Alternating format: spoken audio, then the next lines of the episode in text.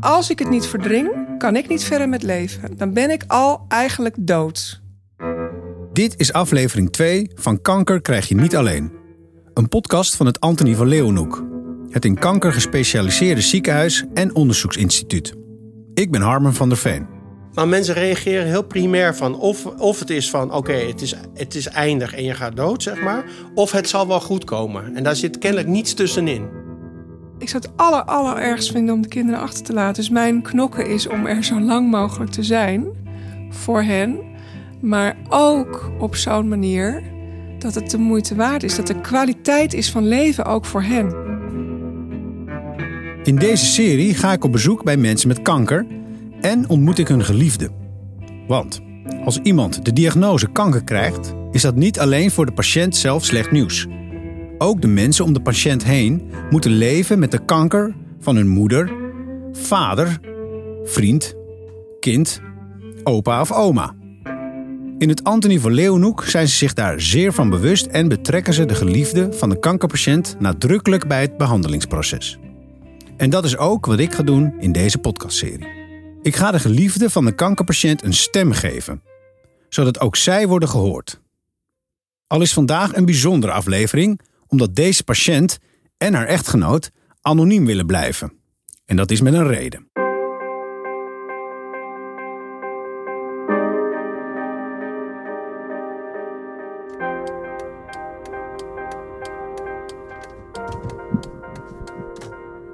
Het is een uh, ingewikkelde klus om het huis te vinden waar ik nu moet zijn voor uh, deze aflevering in de podcastserie. Omdat het nogal verstopt ligt.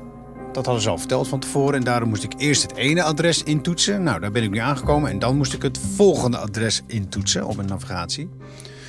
Wat ik nu maar doe. En dan ben ik ook benieuwd hoe kruip door sluip door ik moet gaan rijden.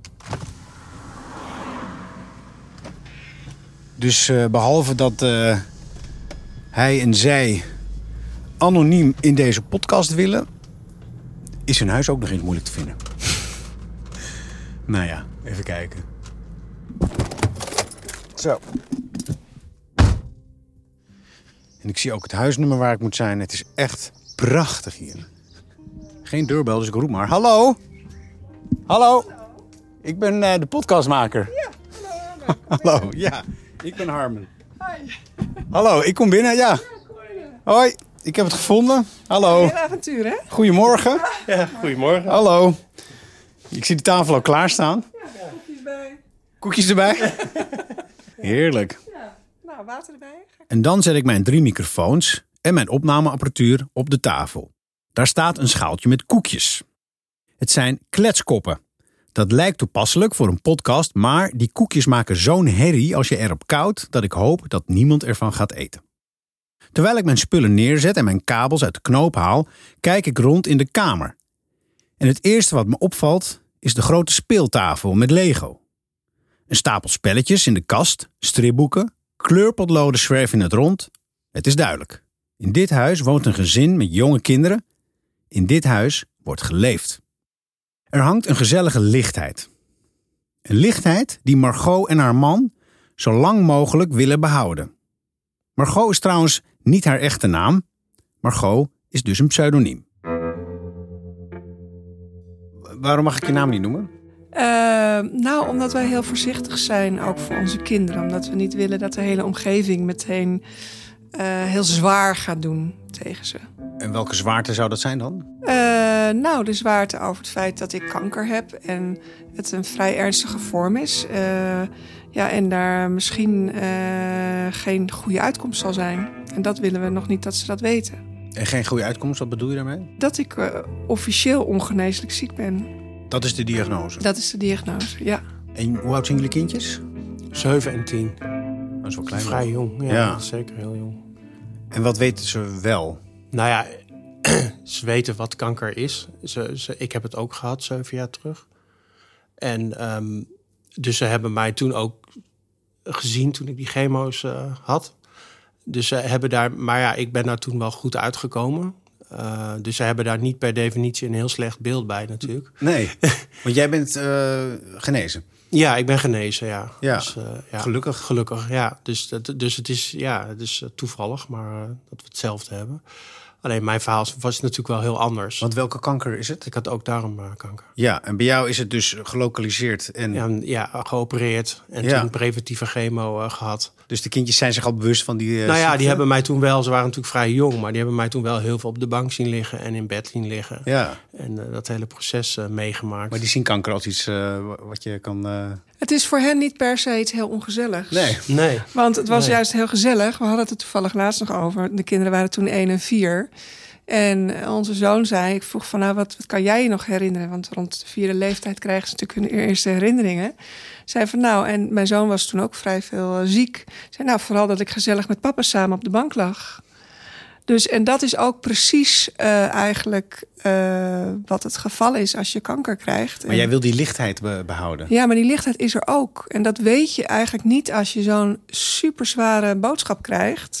En ik weet toevallig, omdat mijn man kanker heeft gehad en mijn moeder, dat het krijgen van kanker, zelfs in de ergste vorm, niet alleen maar betekent dat je hele slechte dagen hebt. Maar ben jij dan bang dat als jij het vertelt, het is ongeneeslijk en bij mama gaat het niet weg, dat zij dan, dat, dat bij hen dan, ja, het geluk en, en, eh, verdwijnt? Of, Ik weet het wel zeker. Als jij elke dag bezig bent met het feit dat jouw bestaan eindig is, wat helaas zo is, Harmen. Ja, Maar jij bent de hele dag bezig dat te verdringen, zodat je kan functioneren. gaat mij heel makkelijk af. Ja, Want dat is voor mij moeilijker. ja, want niemand Maar- heeft tegen mij gezegd dat ik ongeneeslijk nee, ben. maar als ik het niet verdring, kan ik niet verder met leven. Dan ben ik al eigenlijk dood. Want sticker op je hoofd? Of- Nee, want je bent alleen nog maar bezig met het feit ik ga dood. En niet met ik ben nu aan het leven. Maar het is feitelijk wel zo. Eh, maar je weet niet wanneer. Het kan nog tien jaar zijn, het kan nog twintig jaar zijn. Omdat tegenwoordig je met kanker vrij lang kan doorleven. Ja, maar ook dat weet je niet zeker. En jij wil die lichtheid houden. Ja, ook voor mezelf, maar ook voor de kinderen. Ik wil niet dat je nu al de hele dag bezig bent met het feit dat je ooit een keer getroffen gaat worden door een vreselijk ongeluk. Net zoals dat jij niet tegen je kinderen zegt elke dag van let op, papa stapt in de auto. Misschien komt papa wel nooit meer thuis. Dan zouden jouw kinderen niet kunnen functioneren. Nee, maar jijzelf ook niet. en je leeft onbezorgd omdat je heel veel dingen niet weet. En dus om hier ook niet te veel op te focussen, zeg maar. Het feit dat je het niet weet, ja, eh, geeft ook ruimte om te leven nog. Op het moment dat je dat niet meer hebt. En je gaat je focussen op het ziek zijn en wat er gaat komen allemaal. En je draagt dat ook nog eens over aan de kinderen. Die voelen dat. Ja, dan, dan wordt het heel zwaar. Want jullie hebben het hier samen over gehad als... als, als, als... Natuurlijk, als je dat diagnose krijgt, ik, ik vergeet dat nooit meer in het AVL, dan, dan denk je, je wereld vergaat letterlijk. Het houdt allemaal op nu. Eh, Het is klaar. Dat denk je. Dat, dat zo gevoel, met dat gevoel ga je naar huis. Je zit ook in de auto. eh, je wilt liefst iedereen bellen om het te delen. Wat jullie ook deden toen jij... Toen wel. je- Nou ja, dat deden we toen, eh, toen ik ziek was, inderdaad. En bij jou niet? Bij mij hebben we daar familie. heel erg over nagedacht. We hebben wel direct de familie gebeld, maar wel eh, omdat ik al heb meegemaakt het ziekteproces van mijn man, maar ook van mijn moeder. Eh, en ik me dus eigenlijk ook al een beetje bewust was van, ja, ik weet het niet. Ik krijg nog een hele omgeving. Mijn kinderen, ik sta straks op het schoolplein. Wat krijgen die allemaal mee voor zwaarte? Ik wil die zwaarte niet. Dus eigenlijk had ik al vrij snel van, ho, ik, ik, ik wil even heel goed nadenken. Ook stond ik midden in het leven. Ik heb een baan, ik doe een studie. Wat ga ik nu meteen vertellen? En aan wie? Ja, en hoe? En je bent eruit? Ja. Kijk, de directe omgeving, eh, dat zijn een aantal beste vrienden en vriendinnen, eh, onze ouders, zussen, eh, die eh, weten. Ik heb ook gezegd, ik ga dit woord één keer uitspreken en daarna nooit meer. Eh, dus die weten wat er aan de hand is, wat de prognose is. Maar we hebben daar ook heel duidelijk bij gezegd. Wij willen A niet dat de zwaarte bij de kinderen terechtkomt, maar ook niet bij ons. We willen er eigenlijk niet te veel over praten, want we willen bezig zijn met leven. Dus die heb je verteld. Je, je wilde het maar één keer uitspreken. Je hebt het trouwens volgens mij nu ook uitgesproken. Ik heb het één keer uitgesproken. Ik ben ongeneeslijk ziek. Dat is wat je liever niet uitspreekt. Ja, En dan is er nog een schil. Dat zijn de buren bijvoorbeeld. Ja. Of het schoolplein. ja. Nee, jij schudt al nee. Wat, wat wel zo is, is dat je daar niet samen direct op één lijn zit. Hè? Ik had wel meer behoefte in eerste instantie om het te delen. Om het van de daken te schreeuwen. Nou ja, bijna. Bijna, Ja, eigenlijk. ja, De- dat die is behoefte zo. heb je, hè? Die, dat is een hele primaire behoefte Ja. die je hebt. Het overkomt je. Je bent boos, teleurgesteld, En wat, wil, verdriet. En wat je wilde wil je dan van de daken schreeuwen? Nou ja, verdorie dat ons nou dit weer overkomt. En dat nu ook nog het op deze manier is. En dat het niet meer goed gaat komen. En eh, ja, wat een, ja. wat een ellende. En uh, nou, er gaat voor alles in je hoofd rond. En toen, ja, jij was wel redelijk snel van, nou, dit, sterker nog, dat we later zeiden van, ja, misschien moeten we het niet, hadden we dat niet meteen je zussen en je zussen moeten vertellen. Dat, dat we dan later dat gesprek nog hadden en dachten van, ja, maar dat kan niet. Je hebt kanker, het is ongeneeslijk, maar je vertelt het niet aan de kinderen. Dat is best bijzonder en misschien ook wel heel moeilijk om te begrijpen. Maar juist daarom ben ik vandaag bij Margot en haar man op bezoek. Om over dit dilemma in gesprek te gaan. Margot is in behandeling bij internist-oncoloog Juri Dauma. In het Antonie van Leeuwenhoek. Ik spreek met Juri op zijn werkkamer in het ziekenhuis. Ja, ik, uh, heb daar op zich wel bewondering voor hoe zij dat uh, zo heel bewust uh, aanpakt. En zij heeft daar duidelijk een heel um, uitgesproken mening over. En dat respecteer ik volledig. En dat vind ik ook wel um, knap om dat zo te doen. Um, denk alleen ook wel dat het ook voor de toekomst wel moeilijke dingen mee kan, uh, met zich mee kan brengen. Want je bent wel zelf heel erg daar ook uh, zeg maar de eigenaar van, van uh, dat probleem. Um, of tenminste die... Um, het feit dat jij het weet en dat jij bepaalt wie het nog meer weten. En dat het me ook moeilijk lijkt van wanneer is dan wel het moment uh, om het met de rest te delen. En de waaronder de kinderen. Um, omdat je um, het meest logische moment, althans, ik weet niet of dat het meest logisch is, maar waarop dat het gebeurt, is het moment van de diagnose en het moment um, van ja, de, de, de bespreken van de prognose. Maar daar denkt Margot dus anders over. Zij kiest haar eigen woorden op haar moment.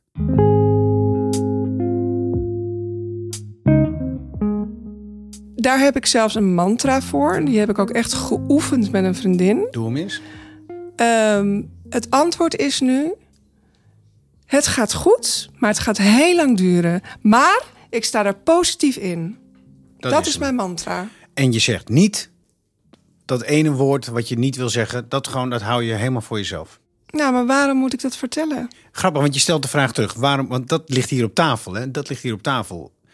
Kijk, misschien, misschien vind ik wel. Ik, nou, misschien vind ik wel. de hele omgeving. Maar misschien vind ik wel dat je niet eerlijk bent. Ja, maar kinderen. ik heb.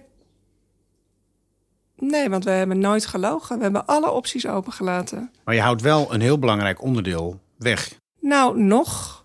Maar Want goed, het is nu nog niet aan hè? de orde, hè? Nee. nee. Kijk, dus... het is nu. Ik ben hartstikke fit. Uh, hè, ik word behandeld.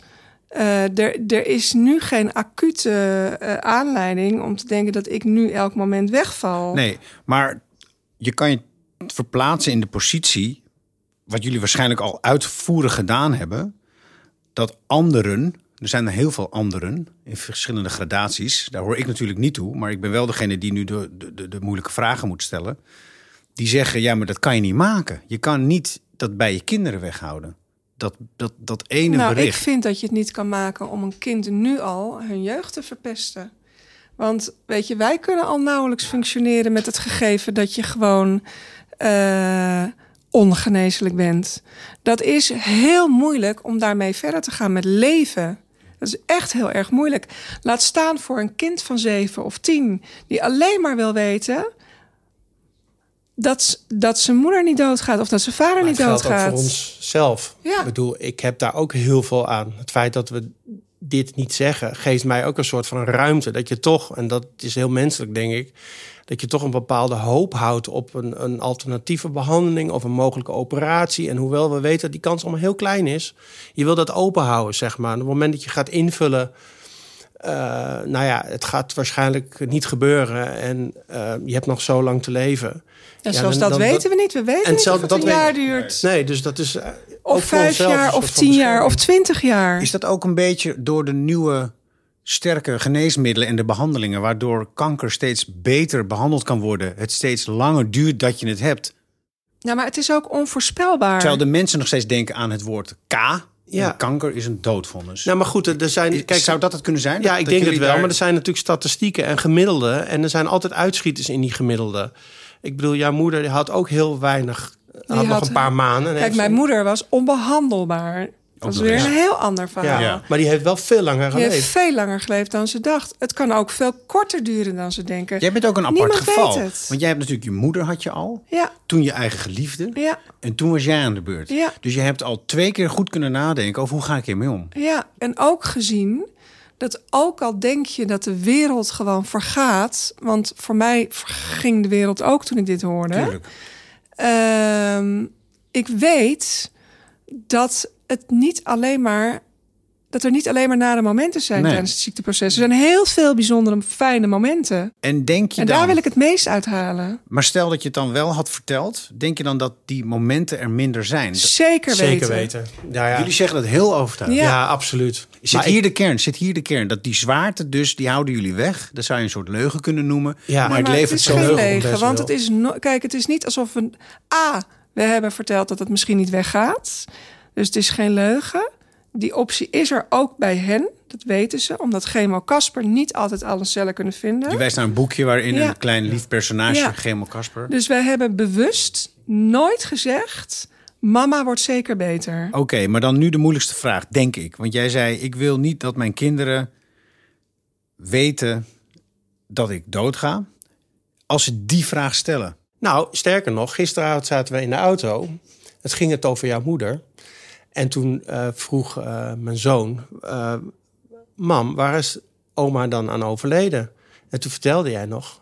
En toen, toen was het even stil, drie tellen. Toen dacht ik ook van, oké, wat ga, ga je nu zeggen? En toen zei ze, nou, oma is overleden aan kanker. Oh, oh, oké. En toen vervolgens ging hij weer verder op zijn iPad kijken. Maar dus, ja, de kinderen zijn niet gek natuurlijk. En die weten ook dat er mensen doodgaan aan Maar kanker. stel, als de volgende... Waren jullie bang voor zijn vervolg? Nou, ik zat daar wel een beetje mee. Het Ja, zat wel maar in ik- mijn hoofd, ja, tuurlijk. Mijn dochter vraagt wel eens vlak voor het eh, slapen gaan: Mama, blijf je altijd bij me? Ik kan niet zonder jou. Ja, Dat vraagt zij heel vaak. ja. En eh, zij wil dan gewoon weten dat ik gewoon altijd bij haar blijf. Wat zeg je dan? Ik wil ook niet zonder jou. Jeetje, ja, dat wil je ook niet. Nee, Nee. ik wil niet zonder haar. Dat zou ik het al. Ik zou het aller allerergst vinden om de kinderen achter te laten. Dus mijn, eh, mijn, mijn knokken is om er zo lang mogelijk te zijn voor hen, maar ook op zo'n manier dat het de moeite waard is. Dat de kwaliteit is van leven ook voor hen. En daar sta je elke dag bij stil. Daar sta ik elke dag, worstel ik elke dag En mee. deze constructie werkt voor jullie.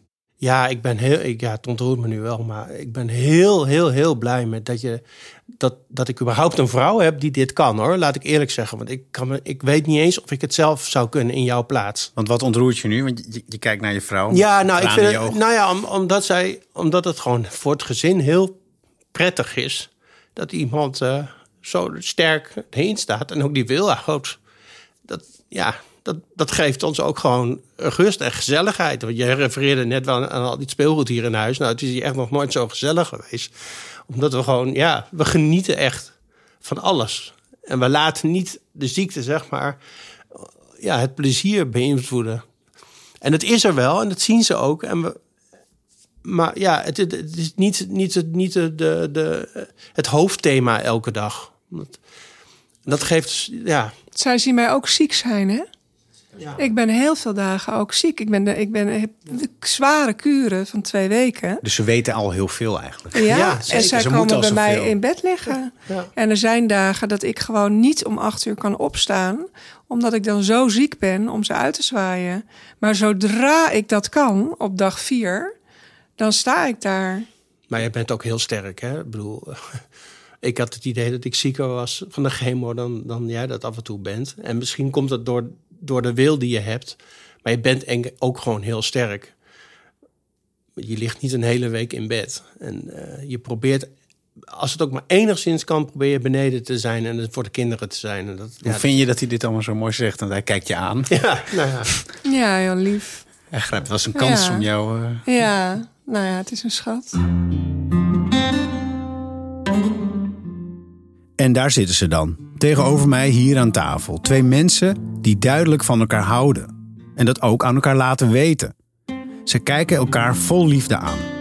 En ik hoop nu ook, met hen samen, dat de kanker zo lang mogelijk wegblijft uit dit gezin. Dat het noodlottige einde zo ver mogelijk weg ligt in de toekomst. En misschien is dat ook, ja, een mooie paradox in dit verhaal. Dat door de steeds beter wordende behandelingen ook ongeneeslijke kanker niet hoeft te betekenen dat je heel snel doodgaat. Dat je juist nog heel lang kan blijven leven. Dat het zelfs ooit misschien een chronische ziekte wordt in plaats van een dodelijke. En dat je juist daarom het liefst zoveel mogelijk mensen onwetend laat. Inclusief je eigen kinderen. Ik ga weer terug naar het Antonie van Leeuwenhoek. Terug naar de behandelend arts van Margot. En ik vraag hem hoe hij dat ziet. Kanker als chronische ziekte. Ja, dat is natuurlijk iets waar we ehm, enorm naar streven. Naast proberen te voorkomen eh, kanker en kanker in een vroeg stadium eh, op te sporen en te behandelen. Ehm, bij ook mensen die, het, die een uitgezaaide vorm hebben, ehm, ja, om daar een chronische ziekte van te maken. Dat is natuurlijk een heel mooi streven, maar brengt ook dit soort eh, essentiële levensvragen ehm, ja, met zich mee. Ja, die worden steeds prangender. Want, want dan kan je wel voorstellen... ja, dit ga ik niet aan de grote klok hangen. Want dan ben ik misschien nog wel 15, 20 jaar die patiënt. Die maar niet doodgaat. Ja, ja, en ook voor andere dingen heeft dat wel consequenties voor, voor werk, eh, kopen van huizen en dergelijke. Ah, dat heeft natuurlijk allemaal daar. Ja, zover is het eh, nu nog niet dat we van elke vorm van kanker een chronische ziekte. Ik hoop ook heel erg eh, dat we dat ooit zullen meemaken. Ja. Ehm, maar je merkt het wel bij andere tumoren waarbij eh, immuuntherapie recent intrede heeft gedaan, dat dat ook een, een patiëntengroep was en patiënten die ja, in principe nog maar een half jaar tot een jaar te leven hadden, maar die nu, eh, zoals het lijkt, soms eh, genezen zijn. En inderdaad echt een. en dat brengt ook hele andere vragen met zich mee. Dat mensen eerst de gedachte hadden dat ze binnen afzienbare tijd zouden overlijden. Ja. En, en ja, hoe ga je dan verder je leven weer oppakken? Ja, en dan, dan moet je eigenlijk het recht hebben om, om te mogen ontkennen. Dat recht mag je zeker hebben, denk ik. Ja, en, en ik denk dat dat in dit ehm, geval bij deze patiënt heel duidelijk is eh, dat zij ehm, niet ontkent dat ze een ongeneeslijke ziekte heeft. Eh, althans niet naar mij toe. Hè, dat zij dat wel eh, gelooft en daar zich zeker bewust van is. Maar dat ze er bewust voor kiest om dat niet uit te dragen naar de hele eh, omgeving toe. Omdat ze denkt dat dat meer negatieve dan positieve eh, reacties met zich meebrengt. En eh, ja, Het is haar goed recht. nou, dat is zeker weten zo. Het is Margot haar goed recht om de ziekte te verdringen. Niet te ontkennen, maar te verdringen. Dat ze ondertussen ook weigert te stoppen met haar opleiding tot leerkracht op een basisschool is daarmee exemplarisch. De opleiding heeft ze bijna afgerond, maar door haar ziekte zal ze nooit als basisschooljuf aan de slag gaan. Maar dat accepteer ik niet. Want ik heb ook goede dagen. Dus ik heb nu, ik ga op vrijwillige basis. Heb ik net gebedeld van mag ik alsjeblieft nog wat doen op school? Eh, omdat ik ook door wil. En weet ze ik wil het niet daar? alleen maar. Ja, dus ik heb daar ook altijd meteen open kaart gestuurd. Ook het grootste verhaal? Ja. De donkerste wolk? Ja, zeker. En dat moet ook, want je wordt, arbeids, er wordt een arbeidsongeschiktheidsprocedure aangevraagd. Dus zowel de directie van de school als de eh, personeelszaken eh, mensen wisten al vanaf het begin. Maar eerlijk gezegd, ook omdat ik dus zo strijdbaar ben, is dat kwartje toch niet helemaal gevallen. Want je ziet er niet ziek uit of zwak, bedoel je dat? Ja, nou, maar ook power- omdat niemand had verwacht überhaupt dat ik door zou gaan met die studie. Of dat ik er bij, nu al bijna afgestudeerd ben. Want dat heb ik nu naast de chemo's wel gedaan. En dat geeft mij kracht om met andere dingen bezig te zijn. Het geeft mij kracht dat mijn leven doorgaat Ja. zoals ik dat wilde. En dat doe je en je staat er nogal sterk in. Je bent heel sterk. Je man vindt jou heel sterk. Dat, dat einde, hè, wat, nu, wat jij toch gehoord hebt, dat, dat, dat, dat lijkt mij dan nog heftiger worden. Omdat het er zo definitief wel aan staat te komen. Ja, maar het is ook niet zo. Kijk, en dat heb ik natuurlijk ook met mijn moeder gezien. Die is gestorven aan kanker. Ja. Het einde komt hoogstwaarschijnlijk niet in één klap. Daar gaat een langzaam ziekteproces aan vooraf. Ja, en dat, en, als eh, dat moment er komt, Ja. ga ik dat aan samen met de kinderen. Want daar hebben jullie het ook al Ja, maar is hij, komt hij ook natuurlijk regelmatig iemand eh, van thuiszorg om jouw bondage te verschonen en zo. En die zei laatst, dat hoorde ik toen ik op de achtergrond aan het werk was. Die zei ook van, voor het grootste deel bepaal je dat ook gewoon zelf. Hè? Hoe dan? Nou, daar heb je heel veel. Eh, ik ik denk dat vanuit je eigen energie, dat, je- dat je tot heel veel in staat bent. Natuurlijk kan die kanker wel doorgroeien. Dus dit is ook gewoon een overlevingsstrategie. Juist. Zeker, ja, ze zeker. noemen dat dan eh copingstrategieën. Kijk, wij gaan ook samen naar een psycholoog. En eh, dus het is niet zo dat wij eh, helemaal onze kop in het zand steken, maar wij kiezen ervoor om eh, en wij gunnen ons het recht op verdringing op sommige momenten. Dit vind ik heel mooi. Net zoals jij zegt. dat hebt. Jij Ja. hoeft ook niet elk moment te denken aan jouw sterfelijkheid. Ik ook niet. Anders kan je niet meer leven. En de samenleving denkt daar geloof ik toch anders over. Ja, Ja, dat totdat je zelf waar. ziek wordt. Ja. En dan kan je dus in de wachtkamer van de dood gaan zitten, zoals de psycholoog het noemt. Ja. Ja. Door. Of ja. je hebt een keuze om te denken: hey, ik ben nu ziek, maar ik zal niet elke dag me ziek voelen. Wat wil ik met mijn tijd? Wat ga ik doen om mezelf krachtig te, te vinden? Wat ga ik doen om mezelf nuttig te voelen? Wat ga ik doen om energie te krijgen? Het recht op leven. Je hebt gewoon het recht Ik heb op leven. ook het recht op leven. Is dit ook de reden dat je dit verhaal wil doen? Ja, Aan, zeker. aan mij in deze podcast? Ja, omdat op het ik heb door ervaring met mijn moeder en met mijn man heb ik al nagedacht over het leven of ik heb meegemaakt wat het leven is met kanker. En ik weet dat op het moment dat je dus zo'n bericht hoort en zelfs mijn moeder krijgt te horen je hebt nog zes weken te leven, dan stort de wereld in. Ja. Maar zij heeft elke dag omarmd en het waren er 365. In plaats van zes weken. Ja, maar je weet dus niet. En kijk, als op het moment dat jij, en dat is het allermoeilijkste wat er is, als jij meteen aan iedereen vertelt van, oh my god, het is over, dan wordt het ook wel heel moeilijk voor jezelf misschien om nog een vorm te vinden waarin het nog niet over is. Bedoel je dat je die rare, hele heftige, moeilijke situaties krijgt... dat je naar het schoolplein loopt en mensen, dat je ze bijna ziet denken... is ze nou nog niet dood? Eh, ja, of dat ze tegen elkaar zeggen, ja, heb je het al gehoord, ze is eindig. Ja, Ja, dat is, Maar het dat is ongeneeslijk. Eindig. hè? want je krijgt een soort- ze. Ja, plakker je op je krijgt meteen Ja, een stempel. die mevrouw daar, Ja. die mooie jonge dame met Ja. die jonge kinderen... Ja. is ongeneeslijk. Ja, Ja, heb je het precies. al gehoord? En, Heb je het al eh, gehoord? En jij, ja. zegt- jij, jij zegt het dus niet. Nee, het gaat ze ook helemaal niks aan. Maar mijn boodschap aan mensen die dus deze ziekte krijgen en dit bericht is wel om gewoon ook de tijd te nemen. Zelf, kijk, niemand hoeft het te doen zoals ik of wij. Iedereen neemt zijn eigen beslissingen en elke situatie is anders. Eh, maar je mag de tijd nemen voor jezelf om dit te verwerken. En dat is een heel proces. Het is een heel proces om te bedenken. Ah, je stort in de afgrond.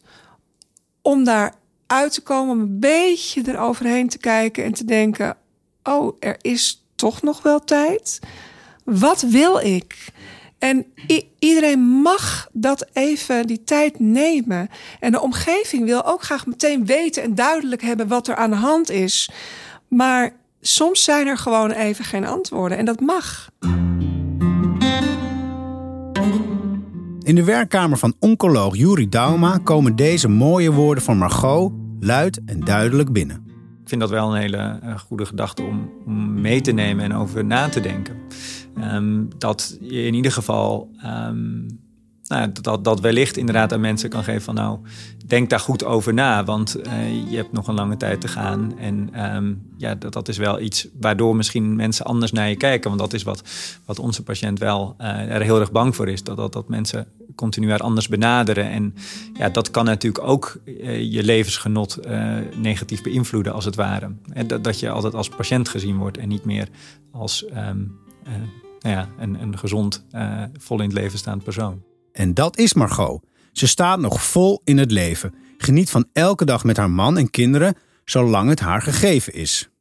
En Mocht ze er ooit niet meer zijn, dan kunnen de kinderen deze podcast aanzetten en luisteren naar wat hun moeder hen te zeggen heeft.